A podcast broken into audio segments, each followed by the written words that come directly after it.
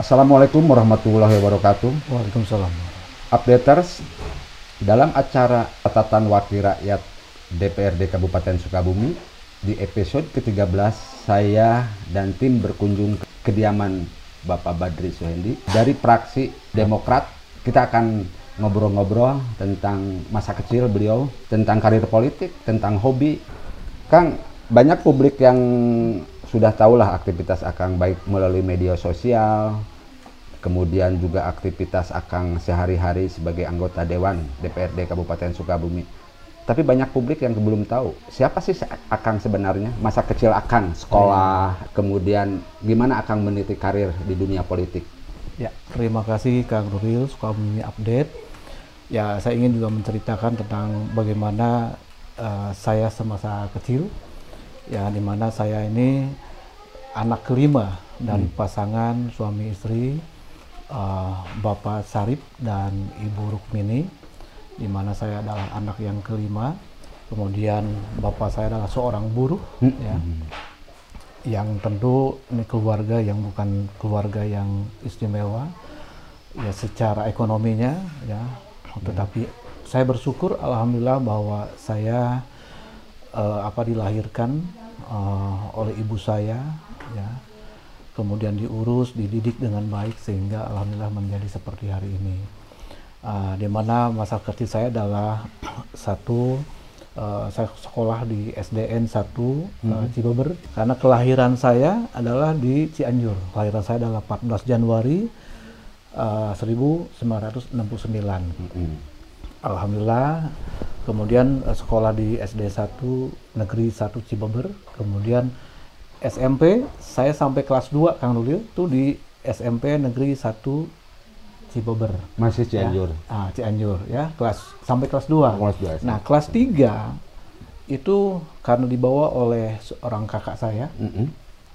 Kakak yang ketiga mm -hmm. itu membawa saya ke Pelabuhan Ratu ya uh, beliau berharap banyak bahwa saya harus sekolah di Pelabuhan, Pelabuhan Ratu, Ratu Kabupaten Sukabumi dan saya mengikuti arah hmm. keinginan daripada kakak saya sekolahlah di SMP oh. Negeri 1 Pelabuhan Ratu sampai uh, berakhir hmm. ya kelas 3 kemudian saya melanjutkan sekolah di SMA Negeri 1 Pelabuhan Ratu masih Pelabuhan Ratu juga SMA-nya ya ya jadi alhamdulillah saya dari kelas 1 sampai kelas 4, kelas 3 ya relatif uh, bersyukur hmm. uh, berjalan dengan baik walaupun orang tua saya dengan pas-pasan ya dan dibantu oleh kakak saya. Jadi kalau tinggal di, di Pelabuhan Ratu itu sejak tahun berapa? Saya tahun 83 ya. Sebenarnya bapak saya itu kelahiran di Sukaraja. Ibu saya dari Cianjur kan. Kemudian pernah juga di Pelabuhan Ratu pindah lagi ke Cianjur sehingga saya uh, tinggal atau uh, berdomisili di, di Cianjur. Nah, sejak SMP lah kelas 3 SMA. saya di Pelabuhan Ratu begitu sampai di SMA. Kemudian alhamdulillah karena saya memang masa-masa kecil saya itu jarang bermain, bu anak-anak muda zaman saya waktu itu bisa ada kesempatan untuk main, bisa kesempatan untuk hiburan dan sebagainya. Dan tentu harapan itu ada tetapi saya mawas diri begitu kan siapa saya dan bagaimana kemampuan sehingga saya itu terlebih fokus kepada bagaimana saya harus belajar bagaimana saya harus uh, menimba ilmu yang baik kemudian menimba kedisiplinan apa namanya rasa tanggung jawab saya sebagai uh, adik lah ya karena hmm. hidup saya di kakak waktu itu kemudian saya bersyukur saya kelas 3 di SMA Negeri 1 Pelabuhan Ratu saya mendapat beasiswa waktu itu Super Semar. Pada tahun itu 88 ya. Itu sebesar 500 ribu. Tahun sekarang gue tahu berapa ya. Waktu itu tahun 88 500 ribu. Dan itu cukup untuk biaya saya untuk bersekolah. Nah setelah setelah saya tamat dari SMA Negeri 1 Pelabuhan Ratu saya diajaklah oleh kakak tuh bekerja di hmm. salah satu perusahaan penangkapan ikan namanya Gunajaya. Masih di Pelabuhan Ratu? Masih di Pelabuhan Ratu dan itu uh, namanya Apa Mustafa ya, uh, tetapi warga Tionghoa hmm. ataupun uh, keturunan Tionghoa.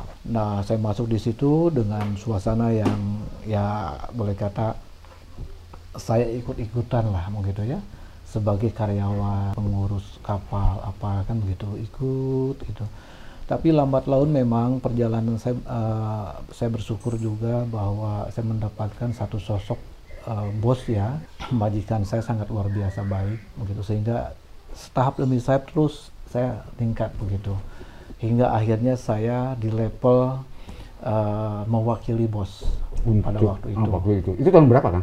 Mulai itu bekerja. tahun uh, saya tahun 289 ketika lang- keluar dari SMA langsung bekerja, Hmm. Bekerja. di Mm-mm. perusahaan itu dan sampai tahun 2009. Kalau memasuki dunia politik, Nah, itulah nah, Nah. makanya saya ceritakan. Nah, ketika saya aktivitas waktu mudanya, waktu saya belum uh, masuk ke politik, saya berkecimpung di dunia perikanan, di perikanan, dunia kenelayanan. penelayanan. Nah, saya bukan uh, seorang nelayan yang turun Ke laut. gitu, tetapi saya nelayan yang membantu mereka untuk operasionalnya. Hmm. Saya menyiapkan bahan bakar, saya menyiapkan bahan makanan, saya menyiapkan segala-galanya, akomodasi, logistik dan sebagainya saya yang menyiapkan. Dan saya alhamdulillah uh, diangkat menjadi uh, apa namanya kalau dulu itu secara administrasi ya, administrasinya saya yang pegang, sehingga saya mewakili bos. Alhamdulillah di situ sedikit agak uh, dia katakan mapan lah waktu itu sehingga saya bisa membantu masyarakat saya masyarakat nelayan yang kecil-kecil gitu nah di saat itulah nelayan susah dan identik bahwa nelayan ini kan terbelakang Terbelakang. ya kan Mm-mm. nah saya tergugah dengan eh, bahasa itu Mm-mm. bagaimana nelayan ini bisa sedikit banyak bisa apa namanya eh, seimbang lah dengan eh, Profesi yang lain. profesi yang lain Kalau masuk ke dunia politik, apa karena Akang ingin memperjuangkan tentang hak-hak nelayan, terutama mengangkat derajat lah istilahnya ya. Sejarah seperti ini, ketika tadi saya sampaikan bahwa saya sering statement di media, sering uh, menyampaikan aspirasi saya kepada pemerintah, tetapi ya pada waktu itu dalam tanda kutip kurang mendengar, Mm-mm. ya, kurang responsif terhadap persoalan-persoalan kenelayanan, sehingga nelayan selalu terbelakang. Ya alat tangkap yang terbelakang, Terbelakang, teknologi ya. teknologi juga terbelakang, kesejahteraan apalagi, begitu. Nah itulah yang menjadi uh, Alasan? terpanggilnya saya, alasan saya untuk uh, Masuk ke dunia di politik. Maka saya berpikiran, oh kalau memang demikian, berarti saya harus masuk ke sistem. Ke sistem. Kan? Artinya masuk di dalam interaksinya ataupun Hmm. kebi- pemangku kebijakannya di uh, eksekutif dan legislatif. Hmm. Nah maka saya masuklah di partai politik. Tahun berapa itu? Uh, itu tahun 2007. 2007 ya. Ya 2007. Setelah reformasi berarti. Ya. uh, reformasi dua- kan eh, sembilan- 1998 ya. 98 ya. 2007 saya masuk ke ini ke partai politik dan saya tetap masih beraktivitas di dermaga, Dermaga. pelayanan begitu kan. Saya membantu dan sambil juga saya kuliah juga. Sambil Hmm. bekerja saya kuliah di Samsul Ulum eh, Sukabumi ya S1-nya dan S2-nya saya di Universitas Pakuan Bogor. Pakuan ya Bogor. ambil S2 hukum.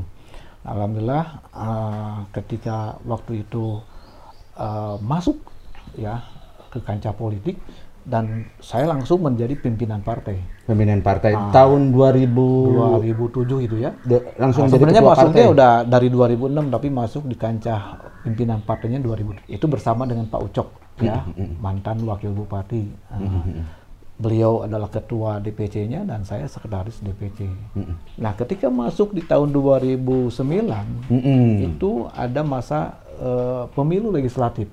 Maka saya langsung eh, memutuskan diri untuk eh, masuk dalam kancah eh, pemilu legislatif begitu kan, Mencalonkan. mencalonkan menjadi eh, anggota DPRD Kabupaten Ah. Sukabumi. anggota DPRD Kabupaten Sukabumi. Yang alhamdulillah ya eh, saya juga bersyukur bahwa pada waktu itu masa-masanya Pak SBY juga lagi bagus kepemimpinannya dan eh, respon daripada masyarakat kepada Partai Demokrat juga sangat luar biasa sehingga suara itu cukup lumayan fantastik. Suara pribadi saya itu ada 11.200 sekian. Alhamdulillah menjadi suara terbanyak dan saya dikukuhkan menjadi ketua DPRD periode 2009-2014. 14. Nah, Kang Nuril bisa bayangkan dari seorang eh, pengurus nelayan, seorang yang berkecimpung hanya mengurusi tentang nelayan, harus langsung menjadi ketua Ketua DPRD. DPRD. Ini sungguh luar biasa. Dan jujur, secara pribadi saya pun ini menganggap ini bisa apa tidak kan begitu kan, atau mampu atau tidak. Dan tidak sedikit, Pak, tidak sedikit orang yang menyaksikan saya waktu itu. ya, mampu tidak seorang Badri memimpin DPRD. DPRD itu Kabupaten tidak sedikit Kang Nuril, ya. Tetapi saya juga di samping dengan perasaan itu, saya berupaya untuk berinteraksi. Saya berusaha untuk belajar dan saya ini niat saya ini saya harus memberikan yang terbaik begitu. Ya, alhamdulillah saya dilantik 2009 kemudian menjadi dua eh, ketua DPRD dan alhamdulillah Kang Nuril saya bersyukur sampai hari ini saya sudah tiga periode di Jakarta. Kalau tokoh politik yang paling akan kagumi siapa? Nah, eh, tokoh politik tentu saja ini Pak Pak Sukma menjadi eh, salah satu juga ya. Kalau di tokoh tingkat politik kabupaten. kabupaten. Untuk nasional tentu saja Pak SBY. Pak SBY. Itu adalah guru saya, bapak saya, dan mentor saya. Itu luar biasa. Saya dididik uh, karena saya sebelum, sebelum menjadi anggota dewan, saya dididik di uh, salah satu pendidikan kader yaitu PKKPD di Cipanas itu 15 hari Kang Nuril. Saya di gem- digembleng gitu untuk uh, apa namanya? uh, membuat suatu karakter ya, membuat karakter kita seorang politik. Tahun 83 Kang di Pelabuhan Ratu. Mhm. Terus bisa cerita tentang ketemu so ibu. Oh ya. Eh, ya keseharian saya kan tadi saya sampaikan bahwa memang saya jarang main, jarang Hmm. saya hiburan dan segala macam sehingga eh, apa kesempatan untuk pacaran itu tidak ada, ya kan? Tapi alhamdulillah Allah memberikan eh, satu kesempatan di satu waktu kepada saya bertemulah dengan sosok seorang wanita. Nah, Ini ibu ini adalah teman seangkatan saya Di di SMA. Dari mulai SMP sebenarnya, dari mulai SMP sampai SMA saya bertemu, kemudian kita uh, putuskan untuk nikah. Kan. waktu di SMA nggak sempat pacaran dengan Nggak si ibu. sempet. Ah, kan, karena memang saya fokus ke belajar aja. Belajar. Belajar dan belajar begitu. Nah, alhamdulillah uh, ini dan beliau menghantarkan bisa menghantarkan menjadi ketua DPRD ya, menjadi dewan lah kan begitu kan sampai sekarang mendampingi Kalau putra empat empat yang Ya, paling besar. kalau Yang paling besar sudah di Jakarta, sudah kerja di Telkom. Hmm. Kemudian yang kedua masih kuliah. eh, kemudian ada yang sudah kerja juga di Pelabuhan Ratu di dinas dan masih kuliah yang terakhir. Yang terakhir masih kuliah. Ya. Kang, selain Akang kan dari sisi kesibukan juga saya sering kali mengamati Akang. Ada hobi lain nggak selain aktivitas Akang di luar eh, Akang sebagai anggota DPRD Kabupaten Sukabumi? Ya. Kalau hobi secara serius mungkin ya saya sulit karena memang hampir semua seperti halnya misalkan olahraga aja. Olahraga yang ini saya senang semua kan begitu. Sepertinya dulu tet, kemudian sepak bola, saya pernah juga semenjak jadi ketua DPRD pun saya masih main, main apa main bola dan waktu itu juga main futsal juga kita membuat grup waktu itu komisi-komisi eh, dulu dewan itu aktif dalam eh, apa namanya olahraga pertemanan dengan dinas dengan instansi dengan teman-teman media kan begitu. Nah karena memang eh, saya hobi di dalam olahraga. Ya sekarang eh, olahraga itu yang tadi saya katakan semua juga hobi. Hobi olahraga kemudian jalan ya. Jalan pagi. Kemudian ya nyanyi nyanyi lah hanya sekedar untuk bisa sendiri. Untuk hobi ya, aja. untuk sekedar menenangkan apa namanya repres sedikit ya pikiran kita untuk eh, santai begitu kan Dari empat orang anak Akang nggak ada yang mau terjun ke politik ngikutin Akang sendiri. Eh, secara ini sudah ada nih- ada sih Ada. Ya, tapi hari ini masih kuliah begitu tetapi ma- ma- masih belum bisa mendalami apakah ke mana arahnya karena memang eh, kuliah itu di keperawatan gitu tapi yang perta- yang pertama ini yang sudah kerja ini sama sekali tidak tertarik dengan dengan politik. dunia politik. Ah, Nggak mau ngikutin jejak Ah, bapak. tapi dia hobinya di IT Oke itu. ah begitu Kang, ya boleh saya minta oke minum? kita minum bareng ya oke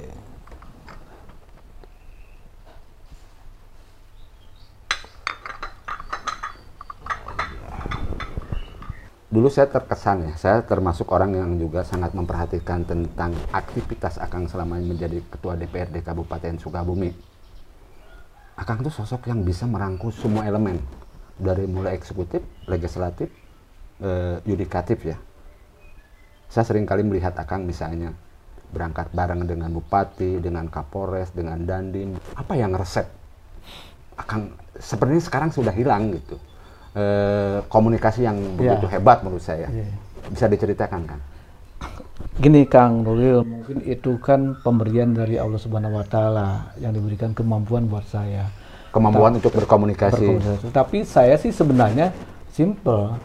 Siapa pun orang yang bisa berkomunikasi dengan baik, dengan intent, saling menghargai, saling memahami, itulah akan terwujud seperti itu. Kedamaian, keharmonisasian, ya kan sinergi, merasa nyaman. Orang mungkin merasa senang pada saya karena saya tidak pernah menutup ya, tidak pernah menutup diri kan, membuka, mengajak, merangkul, begitu kan, sampai-sampai Pak Kapolres, Pak Dandim, Pak Ketua Pengadilan, uh, Gak Kajari. Bayangkan kan Nurul, di zaman saya seorang sosok Kajari, bis, waktu itu ibu-ibu ya, namanya Ibu Rita, bisa membuat empe-empe di dapur rumah saya. Luar Luar biasa, biasa, kan? ya. Ah, saya kira tidak ada di ya di zaman-zaman yang Sekarang ya. mungkin sekarang pun ya, ya tapi siapa tahu ya mungkin bisa saja Dulu ada istilah bagi Akang eh, panggilan kepala suku. Itu tuh munculnya dari mana? Dari siapa Hmm. saya istilah itu dulu muncul? Hmm. diberikan julukan itu oleh Kapolres Sukabumi zaman Pak Asep beliau memberikan eh, apa namanya sebutan sapaan kepada ketua suku mungkin saja beliau menganggap bahwa saya mampu merangkul semua komponen. Dari mulai muspida dinas aktivis teman media. Nah, ada satu cerita Kang Nuril dulu HMI itu ada aksi demo bentrok dengan Pol PP ya uh, sampai si HM ini melaporkan membuat uh, berita acara uh, BAP ke Polres Sukabumi. Oleh bupati oleh wakil bupati diselesaikan tidak selesai oleh ketua dewan lah dipanggil. Pada waktu itu saudara Angga namanya. Ya sebagai ketua HMI waktu itu dan masuk aksi demo. Dan kita bercakap-cakap dengan mereka. Dan saya meminta untuk dicabut HP-nya gitu kan. dengan ya tentu saja dengan obrolan yang panjang dengan santai begitu kan. Dan mereka memahami alhamdulillah dengan cara saya gaya Hmm, saya gaya dan mereka luluh begitu sehingga mau mencabut. Dan pada akhirnya Angga ini ketua HMI ini diangkat menjadi ajudan saya. Nah itu kenangan ya. Dan ini menjadi kenangan juga buat dia ya. Jadi Angga waktu itu diangkat menjadi uh, ajudan. saya. Dan saya sekolahkan itu. Ya, uh, sekolah khusus adisi ajudan begitu kan. Alhamdulillah dia berlanjut menjadi ajudan bupati juga kemarin. Nah itulah uh, kenangan-kenangan yang Hmm, kenangan masa lalu. masa lalu. Yang sehingga saya bisa bersinergi dengan uh, Pak Kapolres dengan Pak Dandim. Bayangkan pernah juga saya di uh, apa namanya dijemput oleh Pak Kapolres Pak Dandim pada jam 2 malam Kang Nuril. Uh, ajudan saya waktu itu Angga sendiri uh, mengetuk kamar saya, pintu kamar saya, uh, dan saya bangun, kemudian tanya, ada apa? Katanya Pak Kapolres menjemput untuk berangkat ke Tegal Bulet, Jampang. Untuk apa? Ada apa? Ada demo. Dan saya berangkat malam-malam ke sana jam 2 malam. Kemudian saya juga menghadapi mereka. Ya, alhamdulillah berjalan dengan baik dan mereka mau mendengar apa yang saya sampaikan, apa yang saya arahkan dan ajak begitu. Dan kondisi pada waktu itu hujan, yang paling berkesan Pak Kang Rul, saya kan tidak tidak sempat membawa pakaian karena begitu bangun langsung eh, pakaian seadanya langsung berangkat begitu. Saya memakai kaos itu yang punya Dandim. Itu kenangan sampai hari ini bahwa itulah kebersamaan saya antara Pak Kapolres, Pak Dandim dengan siapa sampai tidur bareng ya dan sebagainya. Itulah suasana yang sering saya lakukan karena budaya silaturahmi, budaya kekeluargaan sampai ada budaya makan, ngopi bareng itu sudah setiap hari. Ketika kita santai makan bareng, ngopi bareng. Ketika kita tugas bersama-sama, sama juga kita bisa bersama-sama ya makanan minum. Itu yang dulu saya lakukan begitu. Ya. Mudah-mudahan mungkin hari ini juga bisa dilakukan oleh beliau-beliau ya para pimpinan DPRD sekarang bisa melakukan hal yang sama. Gitu. Saya kira tidak ada salahnya. Terima kasih.